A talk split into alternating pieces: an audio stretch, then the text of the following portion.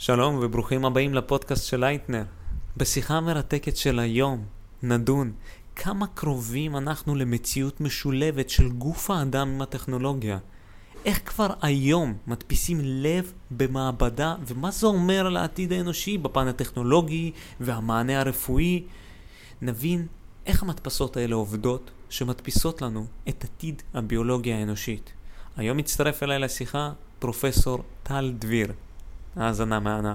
כאן איתנו היום פרופסור טל דביר, תואר שני ושלישי בהנדסה ביוטכנולוגיה באוניברסיטת בן גוריון, פוסט דוקטורט ב-MIT, היום חבר סגל אקדמי בבית ספר שמוניס אה, למחקר ביו-רפואי וחקר הסרטן בפקולטה למדעי החיים, המחלקה להנדסה ביו-רפואית בפקולטה להנדסה, המרכז לננו מדעים וננו טכנולוגיה מרכז סגול לביוטכנולוגיה רגנטיבית, תחום מחקר פיתוח טכנולוגיות על מנת לקדם ולשקם רקמות ואיברים פגועים כגון לב, עמוד שדרה, מוח, מעי, עיניים. גם נבחר לאחד הצעירים המבטיחים של כל הזמנים, לפני משהו כמו שש שנים, פרופסור טל דביר, ברוך הבא לפודקאסט. אהלן, תודה רבה שהזמנת. אה, לא אמרת, אבל אה, אוניברסיטת תל אביב. נכון, נכון, כל נכון. זה באוניברסיטת תל אביב. נכון, תודה רבה על הדיוק.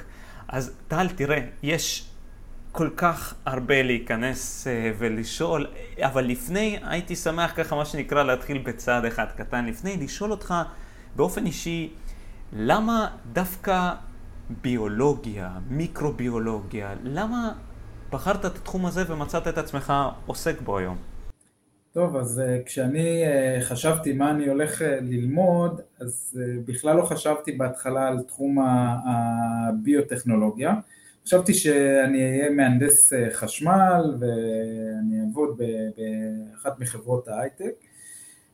ואז ראיתי שהייתה איזו מודעה קטנה בעיתון שנפתח מסלול חדש באוניברסיטת בן גוריון להנדסת ביוטכנולוגיה, אני הייתי המחזור הראשון. ואמרתי, מהנדסי חשמל יש הרבה, ומהנדסי ביוטכנולוגיה יש פה הזדמנות, וחשבתי שמה שאני רוצה לעשות זה לבנות מחשב ביולוגי, אז דיברו על, ה, על התחום הזה, ונרשמתי ללימודים, ו, וזהו, בשנייה אחת נרשמתי ו, והתחלתי ללמוד. אז היום, כמו שאתה אמרת, חשבת תבנה מחשב ביו, ביולוגי, היום אתה איפשהו אפשר לומר כן עושה את זה בצורה כזאת או אחרת, אתה בונה רקמות באמצעות מחשב, מדפיס רקמות, שיש שם שילוב של טכנולוגיה בתוך הרקמות עצמם, נכון? אז נכון, אז uh, במעבדה שלי היום, שזו מעבדה מאוד uh, מולטי דיסציפלינרית, זאת אומרת אנחנו עובדים בתחומים רבים, משלבים הרבה תחומים, מכימיה וביולוגיה והנדסה וחומרים ורפואה, אה, אז במעבדה שלי אנחנו בונים אה, רקמות ואיברים, אנחנו משתמשים בכל מיני טכנולוגיות או קיימות או כאלה שאנחנו מפתחים כדי לבנות רקמות טובות יותר, מתפקדות יותר, שבעתיד אה, הרקמות האלה תוכלנה לעזור לאנשים עם בעיות, לדוגמה אנשים עם בעיות לב, נוכל להנדס רקמת שריר לב ולהשתיל אותה כדי שהלב עצמו יוכל לתפקד טוב יותר. ככה אנחנו עושים גם לאיברים האחרים. עכשיו טל, לפני שאני קצת אפילו קופץ קדימה לכל עניין של גם הדפסה תלת-ממדית של לב שלם או, או חלקי או באופן כללי מה שגם ראיתי אצלך במעבדה, הייתי רק שמח גם לסדר אצלי את העניין הזה. איך איך בעצם מדפיסים רקמות? כאילו זה לא שלא פותחים קובץ רקמות, Control P, ואתה יודע, אתה מדפיס רקמה. איך זה עובד הפרוצדורה הזאת? איך זה, זה הרי זה משהו שהוא חי בצורה כזאת או אחרת. אז לפני שאני אספר איך מדפיסים רקמות, אני אספר בכלל איך מהנדסים רקמות, כי זה הבסיס. אז אולי לפני זה עוד אני אספר אה, ממה בנויה רקמה.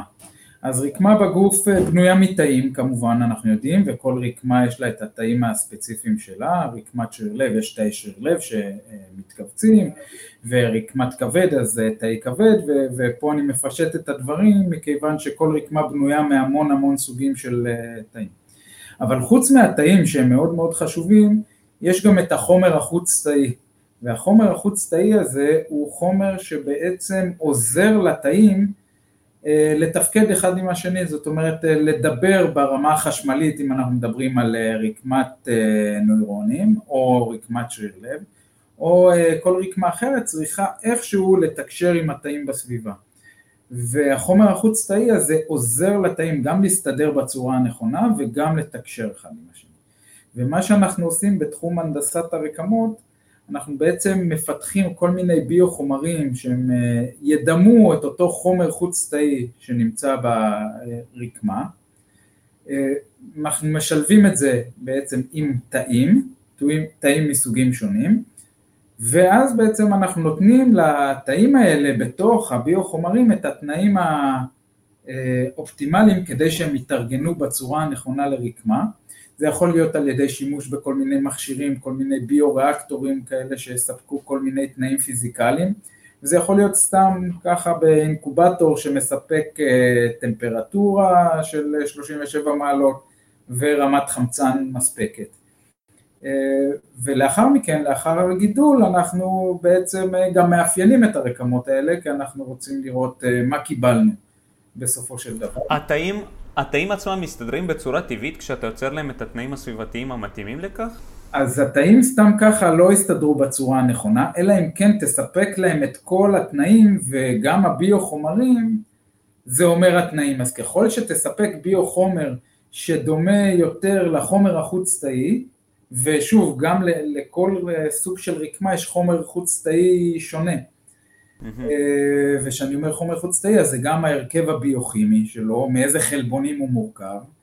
אה, גם התכונות המכניות, יש אה, רקמות שצריכות חומרים מאוד מאוד רכים ויש כאלה שצריכות חומרים קצת יותר קשיחים.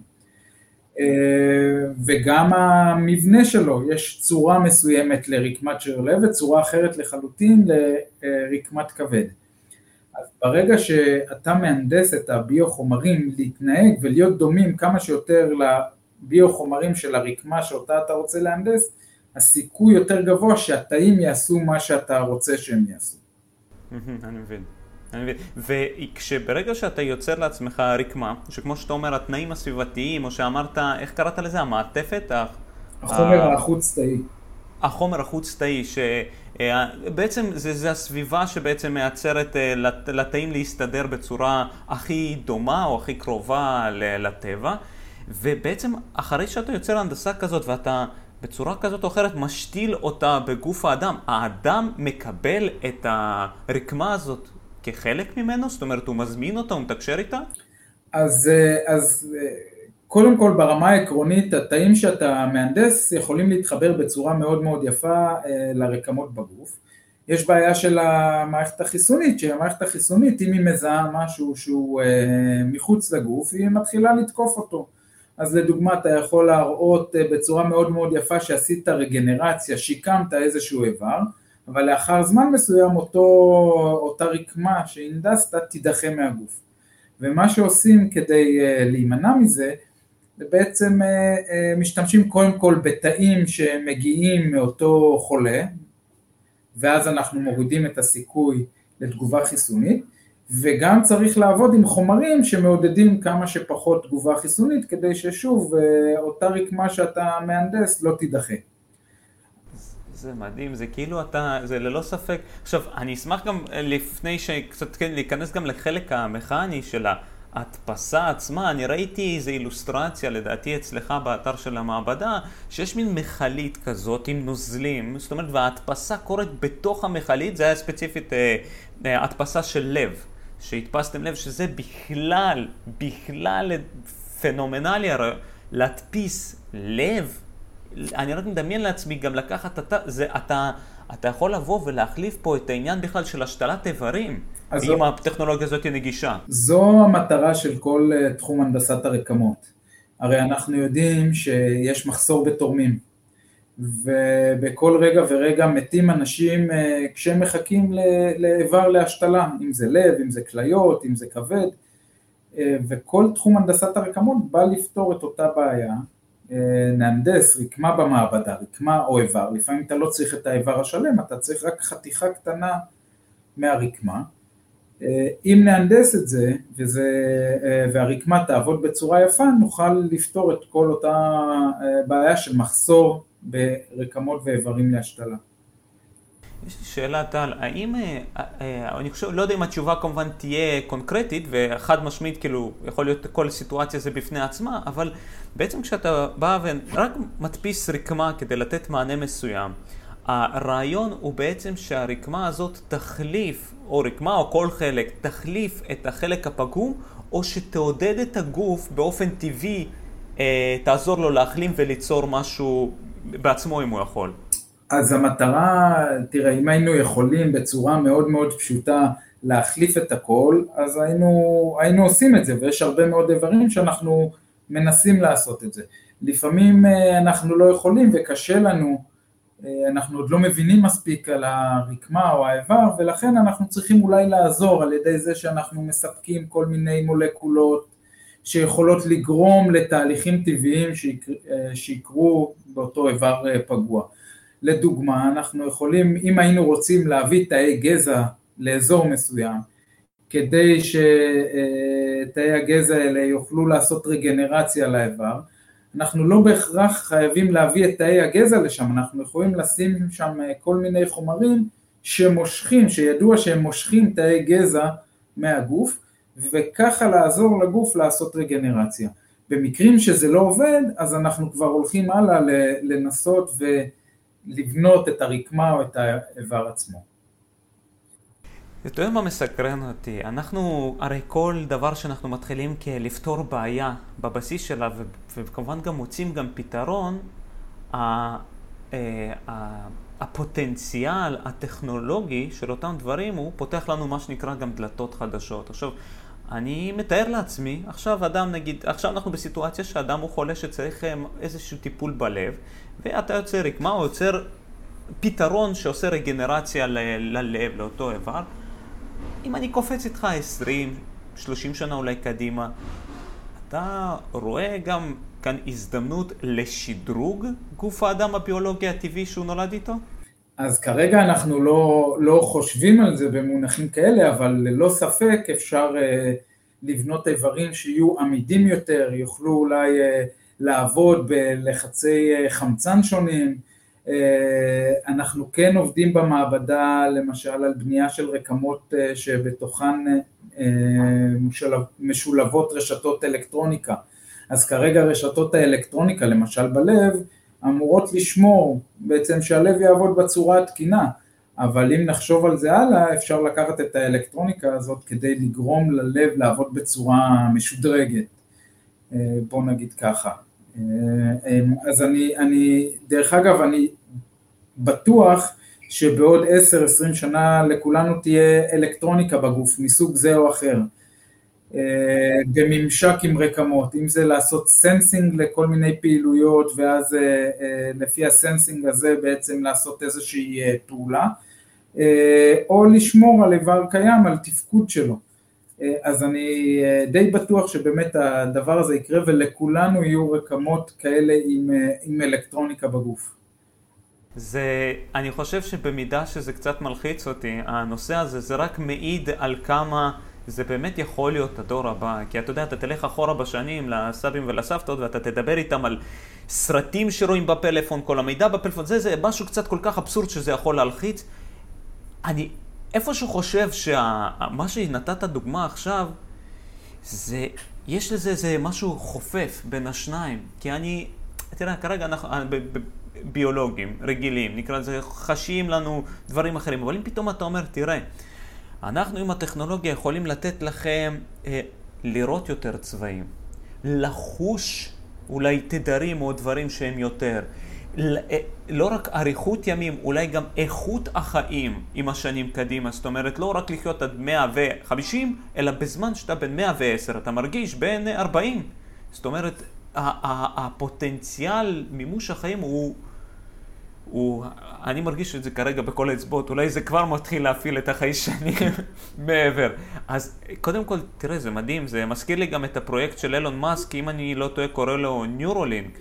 עכשיו, אני מתנצל אם אני נותן פה קצת, אתה יודע, לבמה, אבל אני בצורה כזאת מרגיש שאני מדבר כרגע עם אילון מאסק של המיקרוביולוגיה. אז עכשיו, אתם כן מייצרים הרי רקמות, גם למוח, גם לעמוד שדרה, גם ללב, ואתה אומר שאתה משחיל בפנים גם את ה... איך קראת להם? אלקטרונים? לא אלקטרונים. אלקטרוניקה, רשת אלקטרונית. אלקטרוניקה, בדיוק, רשת אלקטרונית. זאת אומרת, אתה יכול לתקשר מעבר עם הגוף האדם, זה, זה איפשהו, זה, זה מחזיר אותי קצת לאילון מאסק, לפרויקט שלו, הוא יש חפיפה, לא? אה, אז, אז יש חפיפה, אני יכול להגיד שאנחנו התחלנו את זה לפני אה, כעשר שנים כבר, את הפרויקטים האלה של שילוב אלקטרוניקה עם רקמות מהונדסות. בשלב ראשון אה, במאמר שפרסמנו באחד מהעיתונים המובילים, אם לא המוביל, שילבנו אלקטרוניקה גם עם רקמת מוח וגם עם רקמת שריר לב. זה היה כבר בשנת 2012. אה, פורסם המאמר הזה. לאחר מכן פרסמנו באותו עיתון עוד מאמרים על רקמת שריר לב עם אלקטרוניקה שיודעת אה, לעשות sensing אה, לפעילות של רקמה ועל בסיס זה לבקר את הפעילות של, של הרקמה. זה היה ב-2016, מאז אנחנו כבר מדפיסים רקמות עם אלקטרוניקה בפנים. אז כן, יש, יש חפיפה. איזה יופי, זה... ו... אתה, לפחות הפרויקט שלו, אני כמובן אחזור עוד מעט גם למעבדה שלך, אבל רק מסקרן אותי לדעת, מבחינת הפרויקט שלו של ניורולינק והטמעת, אם אני לא טועה, גם בינה מלאכותית שתומכת בחשיבה שלנו, בכללי תומכת, שהוא רוצה להטמיע אה, בינה מלאכותית למוח בצורה כזאת או אחרת. אתה, איך, איך אתה רואה את זה כאילו, זה משהו שעתיד לקרות בזמן הקרוב, זה, זה פוטנציאלי? זה, זה, אני לא יודע אם בזמן הקרוב, אבל זה עתיד לקרות ללא ספק. אה, אה, הטכנולוגיות מתפתחות בקצב מטורף, אה, ואין לי שום ספק שזה יקרה, זה יקרה, אני לא יודע, זה לא יקרה בשנה, שנתיים הקרובות, אבל אין לי ספק ש, שהעתיד, בעתיד יהיו הרבה דברים מאוד מעניינים. עכשיו, ציינת שבמעבדה שלך יש שילוב של דיסציפלינות שונות, ואני גם יכול להבין את זה, כי אנחנו מתעסקים במיקרוביולוגיה, אפילו ננו-טכנולוגיה, שזה גם הנדסה, גם האלקטרוניקה, גם הביולוגיה עצמה. איך בעצם אתם משלבים את כל הדיסציפלינות השונות מכל הפקולטות והמחלקות והתחומי עניין שונים בצורה כזאת הרמונית? אז באמת אה, אה, המעבדה שלי היא מעבדה שנמצאים בה סטודנטים מרקעים שונים. אומרת, יש, אה, כשאני לוקח סטודנט, אה, אני לא לוקח אותו רק מהפקולטה למדעי החיים, זה בסדר, הוא יכול להגיע ממדעי החיים, אבל אני צריך גם סטודנטים שהם מהנדסים וגם סטודנטים שהם אה, אפילו חוקרים שהם רופאים עובדים אצלי במעבדה, אנשי חומרים, מכיוון שאנחנו צריכים להבין בכל אותם, בכל אותם תחומים כדי שנוכל לקשור אותם ביחד ולבנות בסופו של דבר או למצוא פתרון טוב יותר. עכשיו אין לי גם ספק שברגע שאתה עושה מחקר מולטי דיסציפלינרי ועושה שיתופי פעולה או, או מביא חוקרים מדיסציפלינות שונות לעבוד אה, ביחד, אתה מקבל תוצר טוב יותר. נכון, רק, רק, רק ברמה כזאת הפריצות דרך לטוב, אולי לא רק, המילה רק היא קצת אה, יותר מדי מכלילה, אבל בהחלט ברמה כזאת אנחנו רואים שהקצוות מכל תחומים שונים כשמתחברים ביחד יוצרים אפילו תוצר שהוא גדול מסכום חלקיו. כן, ללא ספק. עכשיו, ראיתי שאתה, במעבדה שלך יש תמונה שאתה מציג את, ה, את, את הלב התלת-ממדי לנסיך צ'ארלס, לנשיא ראובן ריבלין שהיה אצלנו, ואני רוצה לדעת, אה, באיזה שלב אנחנו נמצאים? אני אומר אנחנו בתור, אתה יודע, הטכנולוגיה האנושית אצלך במעבדה, מבחינת הדפסת לב פעיל שיכול לבוא ו... וניתן להיעזר בו. אז אה, אם פעם כשהגיעו אליי כל האורחים המכובדים למעבדה יכולתי להראות להם לב ש... הדפסנו במעבדה עם אה, כלי דם, אבל הלב הזה היה לב יחסית אה, בסיסי, כי הוא היה עשוי מאוכלוסייה אחת של תאי שריר לב. היום אנחנו כבר יודעים אה, להדפיס את הלב הזה בצורה מדויקת יותר, עם תאי שריר לב של העלייה ותאי שריר לב של החדרים ותאים של מערכת ההולכה וכלי הדם. ואנחנו יודעים גם אה, איך לבגר את אותם אה, לבבות כדי שהם יוכלו לעבור, התאים שם יוכלו לעבוד ביחד ולהתכווץ בצורה יפה כדי לספק איזשהו כוח כרגע בסיסי, אבל אנחנו עובדים על לייעל את תהליך ההתכווצות הזה. ובשלב הבא אנחנו גם ניקח ונשתיל את הלבבות האלה, כרגע במודל של חיות מעבדה, אבל זה גם יקרה, זה, זה האמת, זה כבר התחיל, אבל זה ימשיך ב, ב, במלוא המרץ.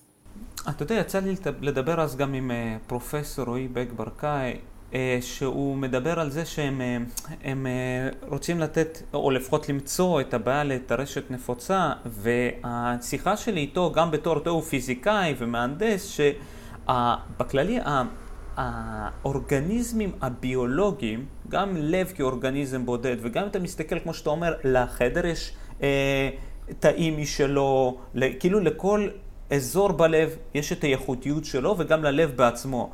ואני יצא לי לראות תמונה שהאורגניזמים הביולוגיים הם מורכבים בצורה כמעט, כאילו, שקשה לתפוס אותה בפן המדעי.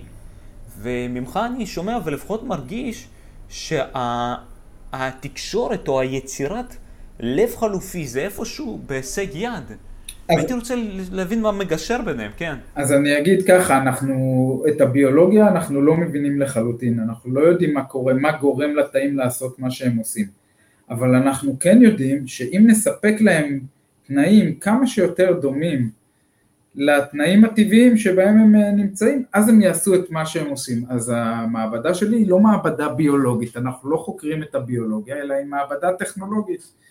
אנחנו רוצים לפתח טכנולוגיות חדשות ולהנדס רקמות ואיברים ולכן אה, הפער עדיין קיים אבל אנחנו מנסים אה, לגשר אה, מעבר לפער הזה על ידי זה שאנחנו מחפשים את התנאים שבהם יקרו הדברים ולא באמת מבינים בדיוק מה קורה לתאים. אז, אז אתה יודע, זה, זה כמו שאצלך במעבדה יש הרמוניה יפה של כל הדיסציפלינות השונות, אז מה שאתה בעצם יוצר, ממה שאני מבין, זה מרחב לש... להרמוניה עם התאים עצמם. זאת אומרת, אני לא רוצה להבין איך אתה, לא מה זה לא רוצה, אני לא יודע אם אני עד עכשיו יבין איך אתה עובד, אבל אני יודע איך לעבוד איתך בשיתוף פעולה, כדי שאתה תתן לי, אה, או, ו, ו, ו, ובעצם ת, תתן את האמצעים ובדיוק מה שאני צריך. תשתף פעולה. אה, בהתאם שה... למסגרת שאני יוצר. בדיוק, בדיוק. איזה, איזה יופי. איזה, זאת אומרת, המדע הוא, הוא לא חייב להיות נקודתי כל כך בתחומים האלה. אנחנו לא חייבים להבין הכל. אנחנו לא חייבים להבין הכל, אנחנו כן צריכים לחקות את הטבע. אנחנו לא צריכים להמציא את הגלגל מחדש. הטבע כבר באבולוציה של... של כל כך הרבה שנים הגיע לאן שהוא הגיע, אנחנו רק צריכים לראות מה התנאים הסביבתיים ולנסות לתת, אה, לספק אותם לתאים שלנו, גם זה לא תמיד, אה, אה, לא, לא שלא תמיד, בהרבה מאוד מקרים זה לא מצליח, קשה מאוד למצוא את התנאים, אבל אנחנו משתדלים וכל פעם מתקדמים עוד ועוד כדי באמת לספק את המיקרו סביבה הנכונה לתאים שלנו. אה, אה, תגיד לי, טל, איך נראים הכלים האלה שמדפיסים בסופו של דבר לב?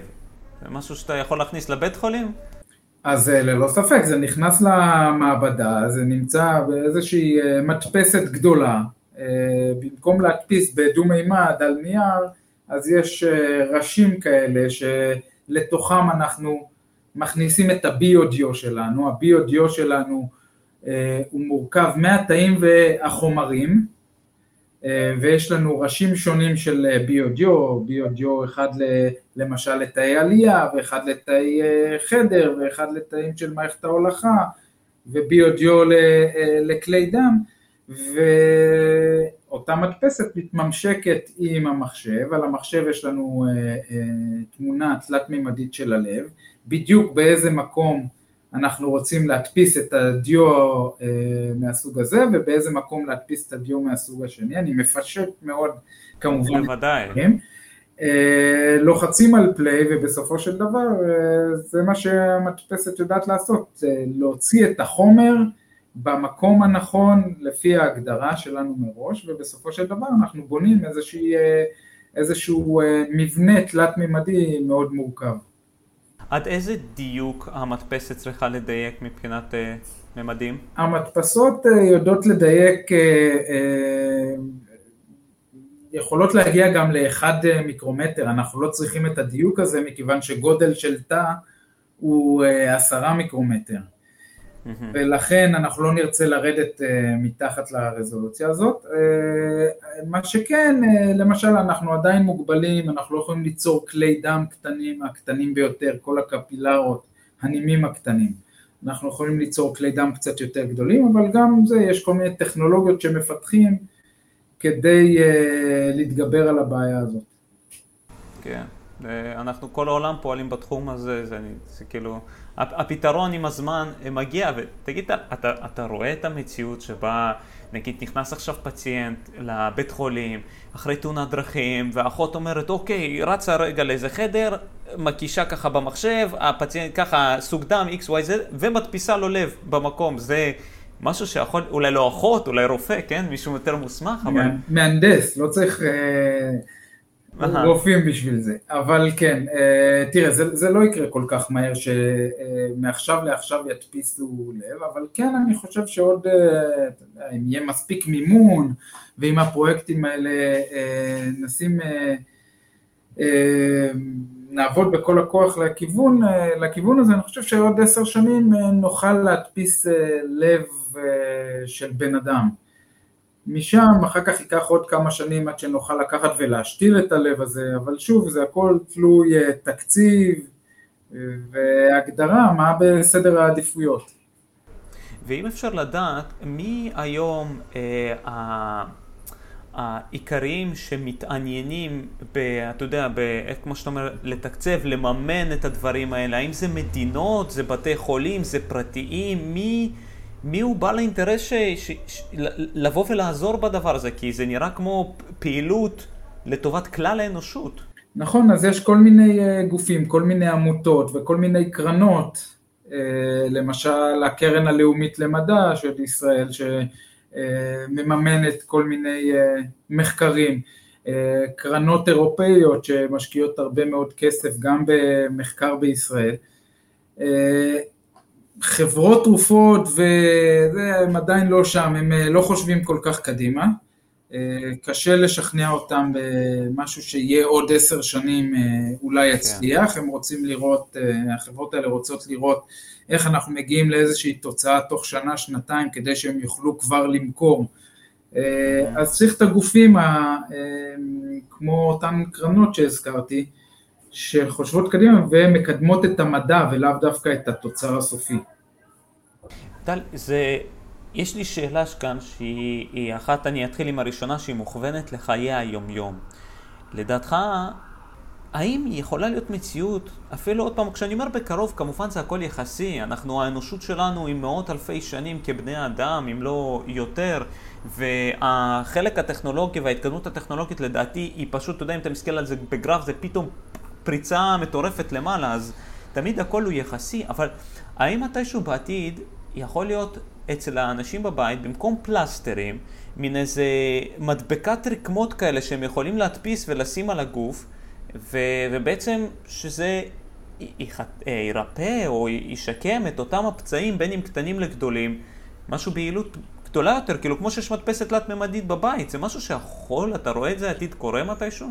תראה, אני עוד לא חושב אה, כל כך, אה, כל כך רחוק, אבל כן, אני, אני בטוח שכל מה שאתה יכול לדמיין, אה, בסוף זה יגיע. כי כשאנשים מדמיינים ואנשים חושבים ורוצים להגיע למשהו, בסופו של דבר מגיעים לשם. הטכנולוגיות מתפתחות בקצב מהיר כל כך, שאנחנו נוכל לעשות כל מה שאנחנו רוצים. ייקח זמן, אבל כמו שאתה אומר, אה, בעוד 50 שנה, 100 שנה, העולם הרפואה יהיה שונה לחלוטין.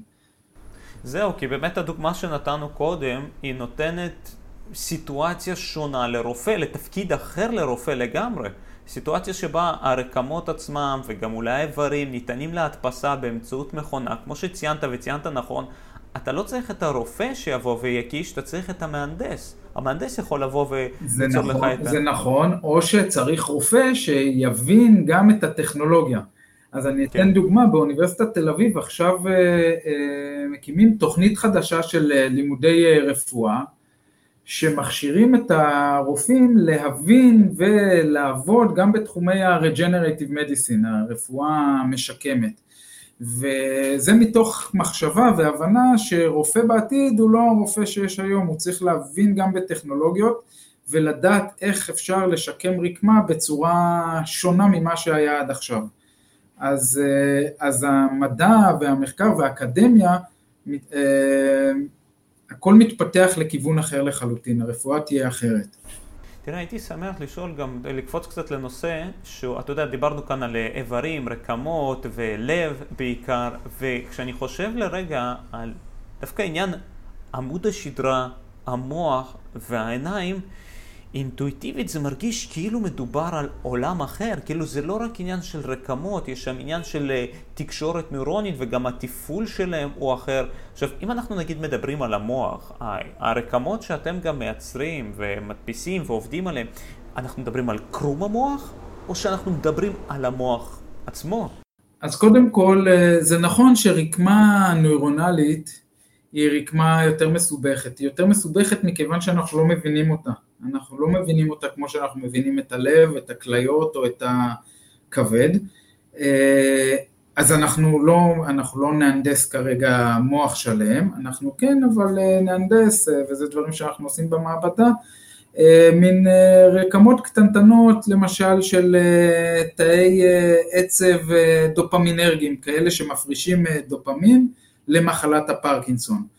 או אה, אנחנו אה, מייצרים במעבדה חוטי שדרה, עכשיו לא את כל חוט השדרה, אלא חתיכה קטנה של חוט השדרה, ועל בסיס הטכנולוגיה הזאת אפילו, אה, הקמנו חברה לא מזמן, חברה שנקראת מטריסלף, ואותה חברה כרגע עובדת לכיוון או מתקדמת לכיוון של ניסויים בבני אדם בחוט שדרה פגוע, אז אני מניח שבשנתיים שלוש הקרובות אנחנו נתחיל לעשות אה, ניסויים בבני אדם, לקחת אנשים משותקים ולהחליף להם את אותו מקטע קטן של אה, בעצם רשת נוירונלית תלת מימדית, להחליף להם את זה ברשת אה, כזאת שאנחנו בנינו במעבדה, כדי שיהיה ממשק טוב יותר בין הרקמה הבריאה בצד אחד לרקמה הבריאה בצד שני, והסיגנל החשמלי יוכל לעבור ואותם אנשים יוכלו ללכת שוב.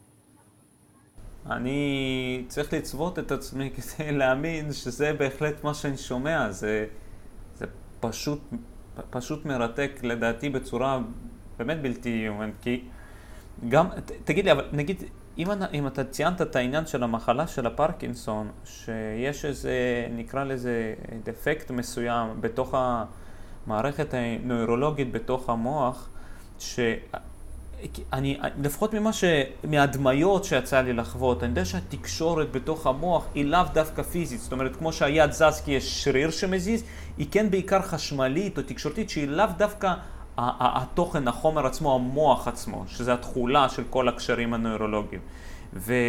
אני מתאר לעצמי רק את התרכובת גם של מנתח מוח שצריך להטמיע רקמה נגיד למשהו שהוא נמצא במרכז המוח, בהיפוקמפוס נכון, אולי. נכון, אז, אז זה רקמות אה, יותר קטנות, אנחנו לא מדברים עכשיו על איבר שלם או על רקמה גדולה, אלא על אה, מיקרו רקמות, שנוכל אה, בעצם שהרופא יוכל, המנתח יוכל להוביל אותם בהזרקה לאזור הנכון ביותר, אם אנחנו מדברים על פרגינסון, בדיוק להביא את, את אותם שתלים דופמינרגיים, אנחנו קוראים להם במעבדה, להכניס אותם לאזור הנכון ביותר, כדי ששם הם יוכלו להפריש את אותה מולקולה שנקראת דופמין, כדי uh, uh, לספק את uh, כל הדופמין באזור ב, uh, הספציפי הזה במוח. וקודם כל, זה, שוב אני אומר, זה כאילו סוריאליסטי, הפתרונות האלה, זה כי אני מסתכל אחורה, או מגיע מתחום אחר, ופתאום אני אומר, אוקיי, עכשיו יש לנו מולנו שאלות, וגם הכיוון לפתרונות, לבעיות שאתה יודע, זה, זה לא תמיד היה ניתן לחשוב שיש פתרון שהוא, שהוא בא באופן הזה. עכשיו אם אני חוזר כמה שנים אחורה, שאתה אומר, אתה היית המחזור הראשון בהנדסת ביוטכנולוגיה, נכון? כן. ואז, ו, ואנחנו היום עומדים עם, עם, ה, עם הכיוון לפתרונות כאלה משמעותיות, איזה, איזה עוד שאלות גדולות, אמנם גם במעבדה שלך או מחוץ גם למעבדה שלך, עוסקים בהנדסת ביוטכנולוגיה? כי אני נותן פה נגיד עכשיו במה לתלמידים ותלמידות, או סטודנטים שסקרנים בכללי בתחום נושא ההנדסה הביוטכנולוגיה. אני חושב שאחרי השיחה כאן הם אה, יותר, אתה יודע, נפקחות העיניים. אבל ככה בעולם קצת הרחב יותר, איזה עוד עיסוקים, בעיות או, או מענה עובדים בכל עולם ההנדסת, הנדסת ביוטכנולוגיה? אז באמת אה, יש אה, מגוון מאוד רחב של, אה, של דברים, מסנסורים מאוד מיוחדים, אבל אם אנחנו מדברים, נעשה קצת זום אין על הנדסת רקמות, אז אפשר להשתמש בהנדסת רקמות לאו דווקא כדי לעשות רגנרציה לאיבר כושל, אפשר גם להשתמש ברקמות שמהנדסים על מנת למצוא תרופה טובה יותר לכל מיני מחלות אחרות שלא קשורות לאיבר כושל. זאת אומרת, אפשר uh, להנדס uh, רקמה ולבדוק איך תרופה, למשל רקמת שריר לב, אני חוזר ללב כן. כל הזמן כי מאוד קל לאנשים להבין, כל מיני מחלות שהתאים לא מתכווצים והם צריכים אולי איזושהי תרופה ספציפית כדי שנוכל, כדי שהלב שלהם יוכל להתכווץ, התאים יוכלו להתכווץ, או לש... לעשות איזשהו שינוי גנטי מסוים בתאים כדי שהם יוכלו להתכווץ. בשיטת הנדסת הרקמות אפשר לבנות רקמה, שוב, לא כדי לעשות רגנרציה בגוף, אלא כדי לבדוק מגוון מאוד רחב של תרופות, לראות מה מתאים ספציפית בצורה פרסונלית לחולה, לחולה הזה, ולא אולי לחולה, לחולה השני, אה, להתאים לו את התרופה הנכונה ביותר כדי להאריך את החיים שלו וכדי אה, לגרום לאיזשהו שיפור בפעילות אה, של אותו, של אותו חולה. אני מבין, זאת אומרת, אתה אומר, חוץ מהעניין של השתלת לב שהודפס במעבדה, אפשר גם להדפיס את הלב במעבדה, כביכול כדי לעשות עליו ניסויים, לראות מה עובד על בעצם לב אנושי של בן אדם. עכשיו, אני תוהה לעצמי, אה, אני בטוח שללבבות של בני אדם יש הרבה במכנה המשותף, שאתה יכול לעשות עליהם ניסויים במעבדה, אבל האם יש, האם בין לב של אדם אחד ללב של אדם אחר, יש גם שינויים שהם כאלה יכולים להיות מהותיים, שלפעמים אה, הם יכולים להיות משתנים אה, דומיננטיים בניסויים במעבדה?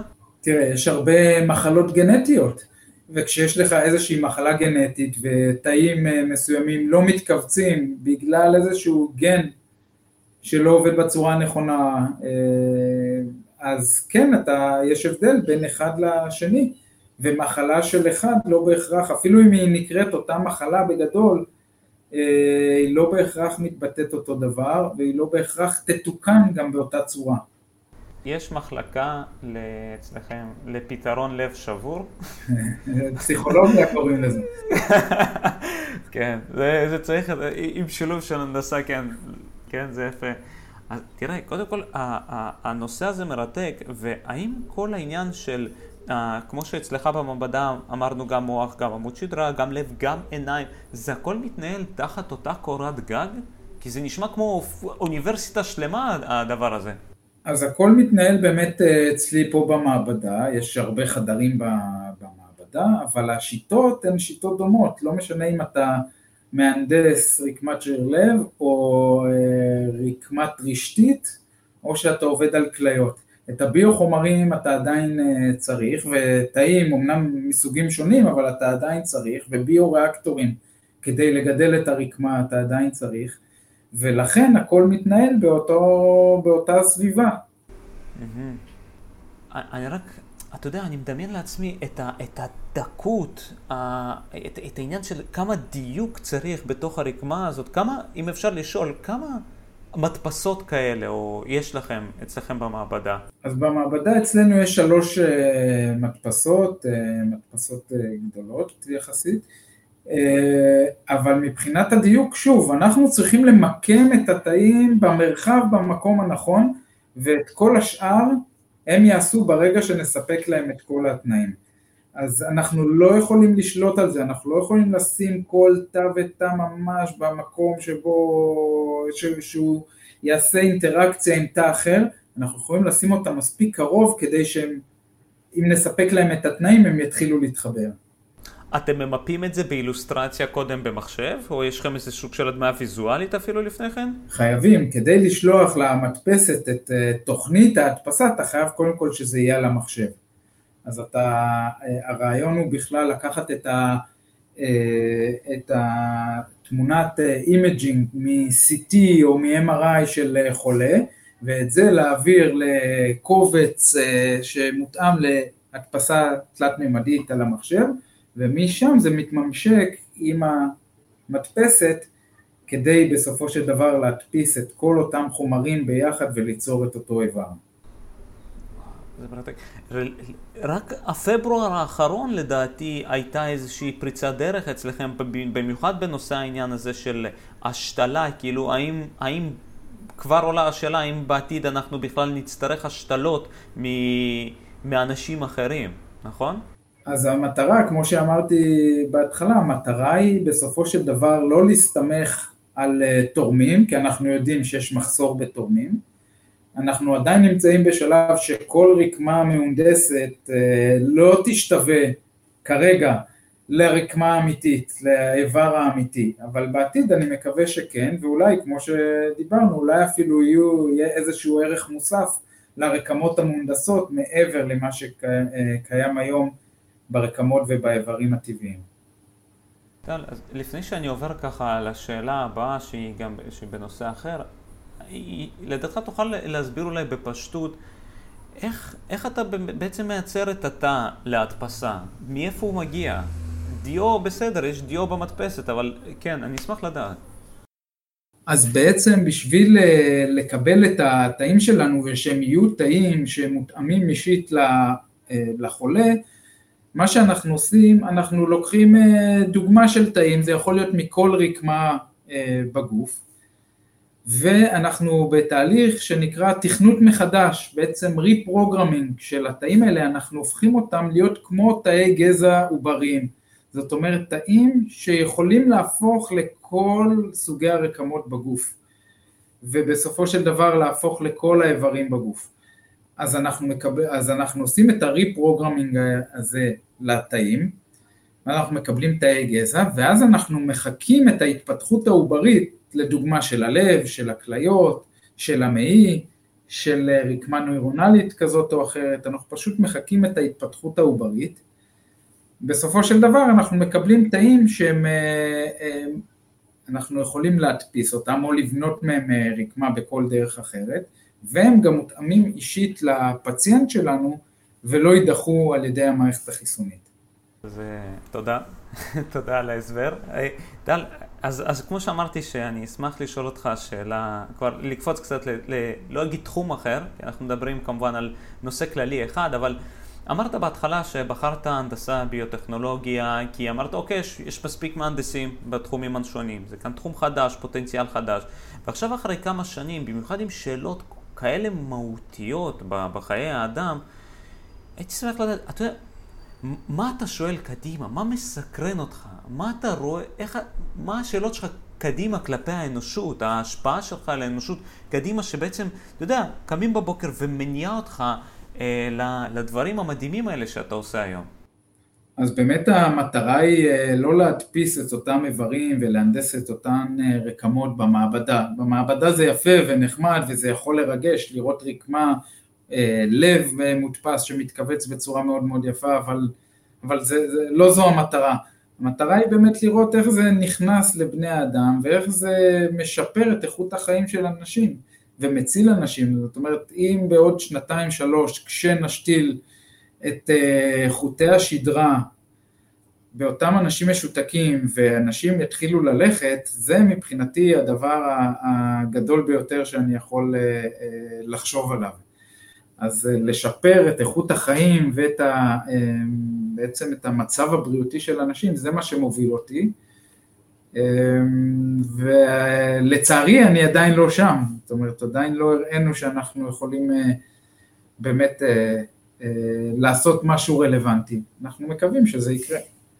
אתה, אתה אמרת מהמילים שלך, וזאת התשובה לדעתי גם למה שאמרת, שאם האדם רואה ומדמיין, אז זה עניין של טיק טיק בשעון, זה עניין של זמן ש, שאפשר להגיע, בוודאי לא רק הזמן, זה הרבה הרבה מחשבה מאחורי זה, ואתה יודע, בהסבר המשמעותי הזה שנתת כרגע, היא, היא ישר קופצת לי תמונה בראש.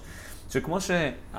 ברמה כזאת של פשטות, כן, אני קופץ שנים קדימה, שברמה שכמו שאנשים מגיעים לסופר, לדוגמה, וקונים כיסונים קפואים, חצי מוכנים, שמים אותם לבישול והם מוכנים, אז שיש בתי חולים עם מאגר של...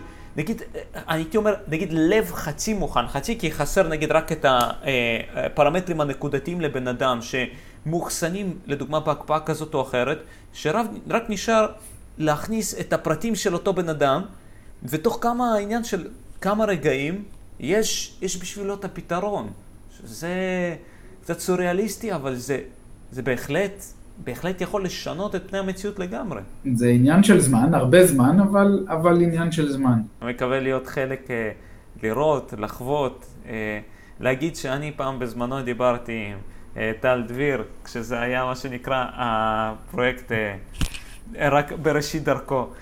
טל, הייתי שמח, כמו שאמרתי, אנחנו כזה מהתחום העסקי, לשאול אותך גם קצת על עצמך, עליך, תראה, אני, אני לא אגיד מילה חושב, אני בטוח שאתה נותן השראה גדולה לסטודנטים ש, שאיתך, ל, ל, גם למאזינים ולמאזינות, ואם אני קופץ איתך כמה שנים אחורה לאותה פוזיציה שהם נמצאים כרגע, אה, מה, מאיפה אתה קיבלת את ההשראה שלך? מי אולי היו המורי דרך שלך בחיים שלך, שאתה, שאתה תוכל לציין, ומה הוביל אותנו עד היום? אז אני באמת, אה, באמת אספר איך אני הגעתי בכלל לתחום הזה של הנדסת רקמות, כי כמו שאמרתי, אני רציתי לבנות מחשב ביולוגי ולא ללכת בכלל לכיוון הזה. ובשנה הראשונה שלי באוניברסיטה, שעשיתי תואר אה, בהנדסה, אה, הייתי ממש צעיר ולא מבין הרבה, ונכנסתי לאחת הפרופסוריות במחלקה שלמדתי בה למשרד, ואמרתי לה, תקשיבי, אני רוצה לעבוד אצלך, להתנדב, אני לא רוצה, לא רוצה כסף, אני לא אני אשקיע מהזמן שלי, אני רוצה ללמוד שיטות. היא אמרה לי, תראה, אתה בשנה הראשונה שלך, אתה עוד לא יודע הרבה, אין לי מה לעשות איתך יותר מדי. והתעקשתי, אה, ובאמת היא ניסתה לזרוק אותי מכל המדרגות ולא זה, ובאמת אה, הייתי נחוש, והיא אמרה לי, אתה יודע מה, בסדר, רק אל תציק לי יותר, בוא תיכנס למעבדה, תעבוד קצת, תראה... אה, ובפעם הראשונה שראיתי תאי שריר לב מתכווצים במעבדה בצלחת פטרי, ידעתי שזה, שזה מעניין אותי וזה מה שאני רוצה לעשות. אה, לימים, אותה פרופסורית הייתה המנחה שלי בתואר השני והתואר השלישי, פרופסור סמדר כהן מאוניברסיטת בן גוריון, שהיא בעצם המודל שלי. אה, בזכותה אה, החלטתי שאני רוצה להתעסק במחקר ולהיות פרופסור באוניברסיטה, אז אני חייב לה באמת את כל מה שאני יודע, והיא זו שהכווינה אותי לאיפה שאני עכשיו. אז הייתי אומר, זה כמו קודם, יש הרמוניה משותפת בין זה שהיא הובילה אותך לבין הנחישות שלך, שגם אי אפשר להתעלם ממנה. זאת אומרת, אם, אם מכאן היית יכול להביא איזה מסר אה, לסטודנטים בתחילת דרכם או לתלמידים, מה, מה תוכל להגיד להם כזה בהתבוננות קדימה? אז א', אה, אה, באמת להיות נחושים, אה, לדמיין, להיות יצירתיים. אלה הדברים שמובילים ל... זה כמובן שכדאי גם ללמוד ושיהיו ציונים טובים, זה לא הדברים הכי חשובים, הציונים הטובים באוניברסיטה. צריך ציונים טובים, לא... זה לא הדבר הכי חשוב. אבל כן להיות יצירתיים, להיות עם ראש פתוח, ולא לפחד מאתגרים. Uh, לכל דבר יש פתרון. אתה יודע, אה, טל, אני, קודם כל אני ככה, אני בפעם הראשונה שהתקשרתי אליך, טל, הטרו קולר כתב לי טל דביר טריאטלון. אה. זה, לא ידעתי, לא יודע אם יצא לשתף איתך, אבל אתה, אתה גם משתתף בטריאטלון? זאת אומרת, חוץ מזה שאתה מייצר לב לתקן לבן אדם או לשדרג אותו בעתיד, אתה בעצמך, אני מבין שיש לב פעיל וחזק. אה, טפו טפו טפו, קודם כל אה, כן, אני, אני עושה טריאטלונים, תחרויות של אה, איש ברזל אפילו, כן, גם אימונים וגם עבודה. אז אני חושב שמההתבוננות שלך על בריאות האדם ובריאות הגוף, אתה לוקח את זה צעד אחד מעבר לנורמה האנושית, גם בפיתוח הביולוגי הטבעי של הגוף, גם בפיתוח של המעבדה. יש פה דוגמה ממשית ל... כן, בפיתוח אה, של, אה, של הגוף עצמו אני לא בטוח שזה הדבר הנכון ביותר עבור הגוף לעשות תחרויות אה, איש ברזל, אבל כאתגר, אז זה הדבר המשותף, האתגר, שיש אתגר בתחרויות כאלה ואתגר בלהביא טכנולוגיות פורצות דרך קדימה ולהביא אותן לקליניקה. בתחרויות איש ברזל או טריאטלון, אתה חושב שלוקחים כאילו מעבר לגבולות האדם, את הגוף עצמו? תראה, זה בטוח לא, אה, לא נעים לגוף, בואו נגיד ככה. אה, אז אה, כן. אני, אני אגיד לך, אבל כאילו, הפעולה עצמה של אה, פיתוח הגוף וההתחזקות של הגוף, היא מתחילה בצד הראשון בזה שהוא נפ, כאילו נפגם, כן? כאילו השריר נקרע כדי להתחזק, הסיבולת לב רע, כאילו כל הפעילות עצמה היא, היא בהתחלה בהכרח לא נעימה, אבל סך הכל הגוף עצמו משתפר, מתחזק. אה, כן, אבל כל דבר צריך לעשות במינון הנכון, ולא לקפוץ יותר מדי, כי אנחנו יודעים שיכולים להיות גם נזקים. הבנתי. כן, אני לא מזמן יצא לי לשמוע על אדם שיצא לו, שהוא עשה איזה שחייה בין אי לאי, שחייה באוקיינוס שלקחה לו משהו כמו 12 שעות. אה, כן, הוא הפסיק את זה אחרי כמה פעמים, כי לא, לא, לא חושב שגוף אדם יכול להכיל הרבה פעמים את הפעילויות הקיצוניות האלה בצורה הזאת. אה, טל, תראה, אני קודם כל רוצה להודות לך מאוד על ההזדמנות הזאת, על הנוכחות שלך כאן, על הידע, על ה... על ה... ואפילו נעשה כאן, על המעשים הפרקטיים שאתה עושה במעבדה. אה, אז לפני הכל רוצה להגיד לך תודה. בשמחה. אה, לסיום, סנקה. עלינו להתנהג לא כאילו היינו צריכים לחיות למען הגוף, אלא כמי שאיננו יכול לחיות בלעדיו. אוסיף ואומר שלאדם בריא יש הרבה משאלות, ואילו לאדם חולה יש רק אחת. תאהבו את עצמכם ותדאגו לעצמכם, ואנחנו ניפגש בפרק הבא.